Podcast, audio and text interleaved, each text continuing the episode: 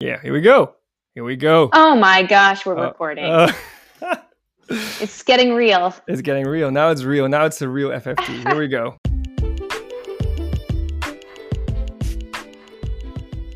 Ja, daar is hij dan. Eindelijk. De aller, allereerste aflevering van mijn podcast. Dit leer je niet op school.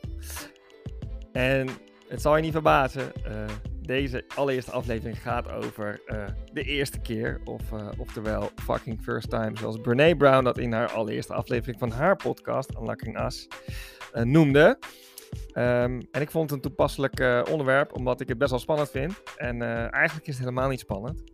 Maar om daar nou met iemand over te praten die hier ook ervaring mee heeft, in dit geval is het de Canadese Brittany Bowering, ehm, vond ik erg leuk.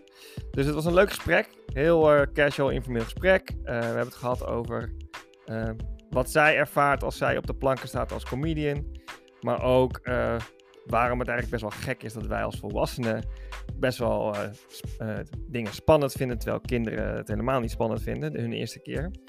Ehm, dus het is een leuk onderwerp, een mooie manier om af te trappen.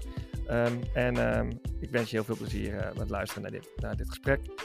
We trappen meteen af met, ja, fucking first time. Here we go.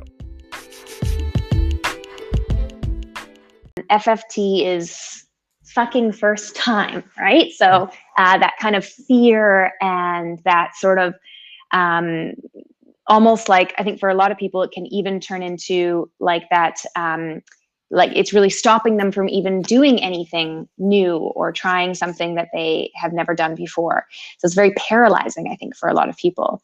The biggest thing about doing something for the first time that you find scary is that you're worried what the backlash will be right Uh-huh. if you're not good enough at it or if you you know what will everybody say are they going to think like oh who's this who's this guy trying to do a podcast like he's Yeah. not a po-, you know whatever Yeah, yeah, whatever the fear is that you know or maybe maybe that's not your fear but for me that was Yeah. always that was the thing that really kind of got me for those kind of things so it makes me think of of that and like something like uh, stand-up comedy which is something that i started doing you know five years ago or so.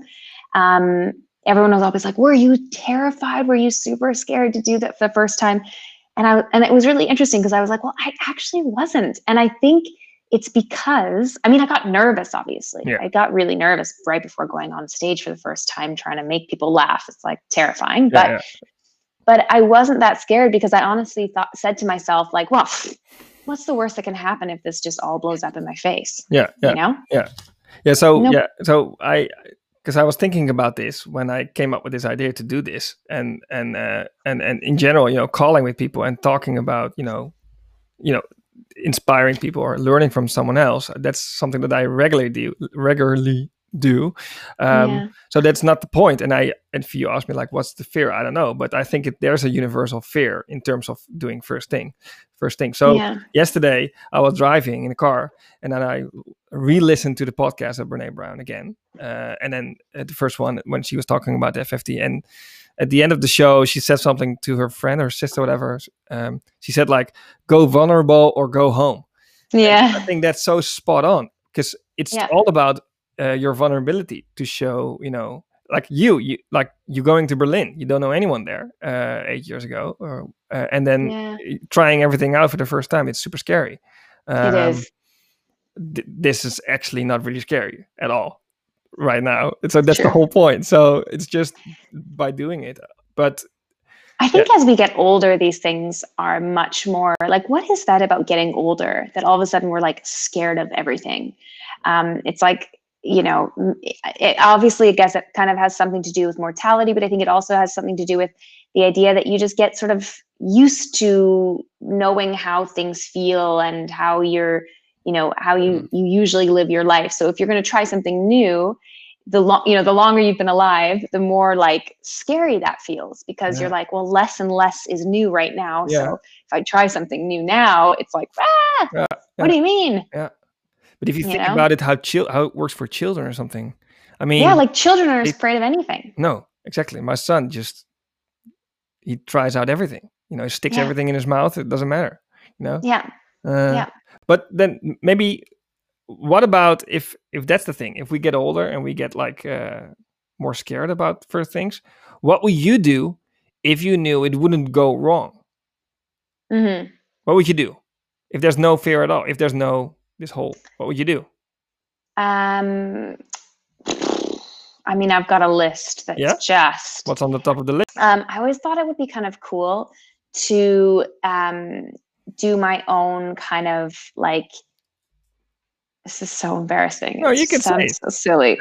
Um, like my own kind of like interview series Mhm. show thing, and it would be, uh, you know, I haven't really thought this through, but I think it would be kind of like interviewing and talking to um, interesting, funny people, but also like normal, like like just not looking for these like you know big celebrity people or whatever, but just having conversations with like regular people, but people who are maybe just something interesting about them, or there's just yeah something special there. Um, I always thought that would be kind of fun. And how did you come Um, up with that idea then? Like, did you ever? Oh my gosh! So when I was when I was very young, a little little baby Brittni, um, well, not baby, but when I was a Yeah, kid, yeah. I always wanted to. Well, first I wanted to be a reporter, like a journalist. You know, that was my big thing. And then I thought, no, I want to be, um, I want to be like Oprah. I was like, yeah, no, I'm gonna be probably be Oprah, and I'm gonna, you know, I'm gonna have a show, and I'm gonna have people on, blah blah blah. And now that I'm getting older, I'm like, I, I actually, I'm, I'm so not interested in like celebrity and all that kind of thing. I'm really actually just more interested in the way that people work and why, and you know Mhm. what makes them tick and and that kind of thing. So that would be sort of where I guess where it all sort of loops in. Hmm, sound recognizable. Yeah. Yeah, yeah. Would you? Yeah. Uh, I'm I'm always like when I randomly like if it's a business call or talk to friends, I'm always very uh, um, eager to ask a question like, um, um, so sometimes you get an advice or someone tells you something about like inspires you with something, but that Mhm. makes a huge you know it got stuck in your head. It, it, it was made to stick, so it was stuck in your head, and then it will Mhm. never leave you again, and it will really change whatever the way you think is Yeah. there anyone that did something to you like that like did anyone gave you an advice or he showed you something that really you know that was the best or the most memorable memorial mem- memorable Memorable, yeah. advice ever Huh.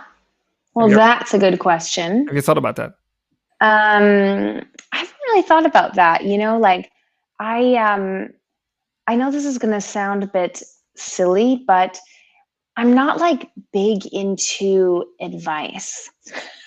so Okay. I feel like um, like I love hearing people's stories and what they've gone through and then like reflecting on how that could impact me or how that could change the way I might see things or make my decisions. Um, but I think that sometimes like people are so eager to get advice about things and they're like, okay, yeah, like, do you have any advice about this or do you have any advice about that? And it's like, you know, like for me, I want to just like learn and experience and do and learn from that, you know? And hearing other people's stories, of course, is super interesting. But yeah, I mean, I can't even I can't even think of one piece of advice where I'm like, that was a great piece of advice. Like most pieces of advice, I'm like, God, I wish I didn't listen to that person. Like, Yeah, you know? yeah, yeah, which I know sounds silly, and it's and it's not that I know. It's not that I'm like I know what's best for me. I Mhm. don't, but it's about that process. Yeah, I get it. I really appreciate the process. Maybe advice, because obviously English is not my native language. I'm trying to translate words. Maybe not advice not the right word, but but you know, I once talked to a guy and he said like when I was 16 or 15, I was listening to Sonic Youth and they were you know doing their thing and they were in their lyrics they were saying something like uh like just do whatever you like and uh, don't you know don't bother what Mm. people people think about what you do and that made him you know think about it's all about what i want i don't care what people uh, think about it so Yeah. so when he gave me that answer on such a question Okay. um, Interesting. so but I that's a story i would say you, rather than an advice it's more like you listen to it because you get you know you got it got stuck yeah you, you, you're a fan or it inspires you Yeah. Hmm. I think that uh, one thing that a friend uh, said to me once, and we just were having this conversation about, um, it was kind of about how, uh, you know, when people, um, I was talking to him about, I don't know why it's coming back to comedy, but when I was talking to him about how people react when I tell them that I do stand up comedy. And if they knew me before, you know, Mhm. back in Canada, for instance, Mhm. um, a lot of them were really surprised. Like they, you know, they were kind of like, "Oh, wow, okay," you know, like, and very confused. And and I always found a little bit, I found it a little bit um, like disheartening. You know, I was like, "Well, I, you know, I'm, I can be funny," you know, and I'm like, I always felt like very defensive about it. And then um, he he told me something which I thought was super interesting. He was like, "You know, Brittni, like." the thing is uh, when people get to know you um, they they like deduce whatever it is that they do about you and who you are and what they can expect from you you know and you are you know when, when you give them something that's unexpected and you say oh no actually i'm like this just really throws people off you know like they don't know what to do with that because they're like well i already wrote and he he used the reference of like they have to like dig back into their file cabinet of all the you know of all the people they know and they have to pull out your file and then like look through your file and they have to like rewrite the file and like erase some things that they you know thought they knew but they didn't and like this kind of, and it just really freaks people out Yeah. um and that's one of the things that i love love love to do i love to like really throw people you know and i'm not going to do something just for the sake of throwing someone for a loop or surprising somebody but i do like the idea of like no boundaries you know like i used to be like oh well i'm the kind of person who wouldn't do that because i'm like this you know? Mhm, or mhm. i would never do that because you know that's just that's not in wasn't my immediate surroundings how i was raised or whatever.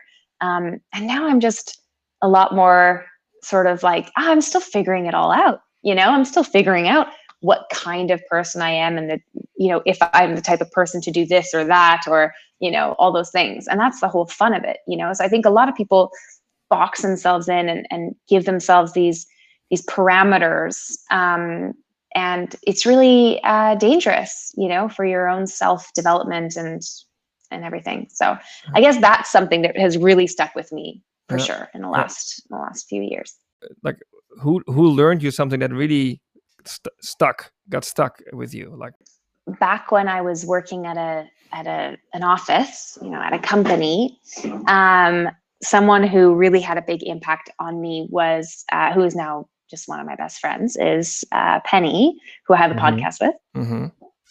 and uh, Penny know Penny. Blackmore. yeah, Yeah.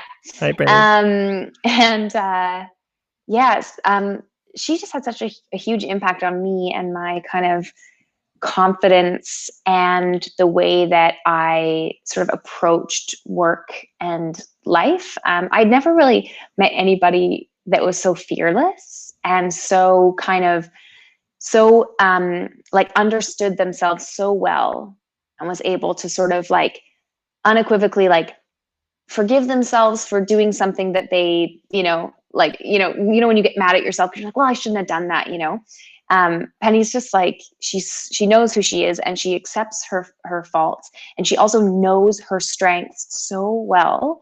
Um, and i'd say that she really helped me figure that out and helped me like have a little bit more self acceptance but how and how did she do that? Like, how did you find out? oh how did through she? like through just un, unbelievable amounts of wine uh, and chats and you know her telling me stories about um, her past experiences at work and a career and life and friendship and everything and i just i remember when i first met her the first time i met her i was totally scared of her i was like whoa i was like so completely intimidated and i just thought like oh my god this chick is first of all i think she's awesome but also like she would never like i she would never spend her time with me you know like she's just like Why would she? she's yeah.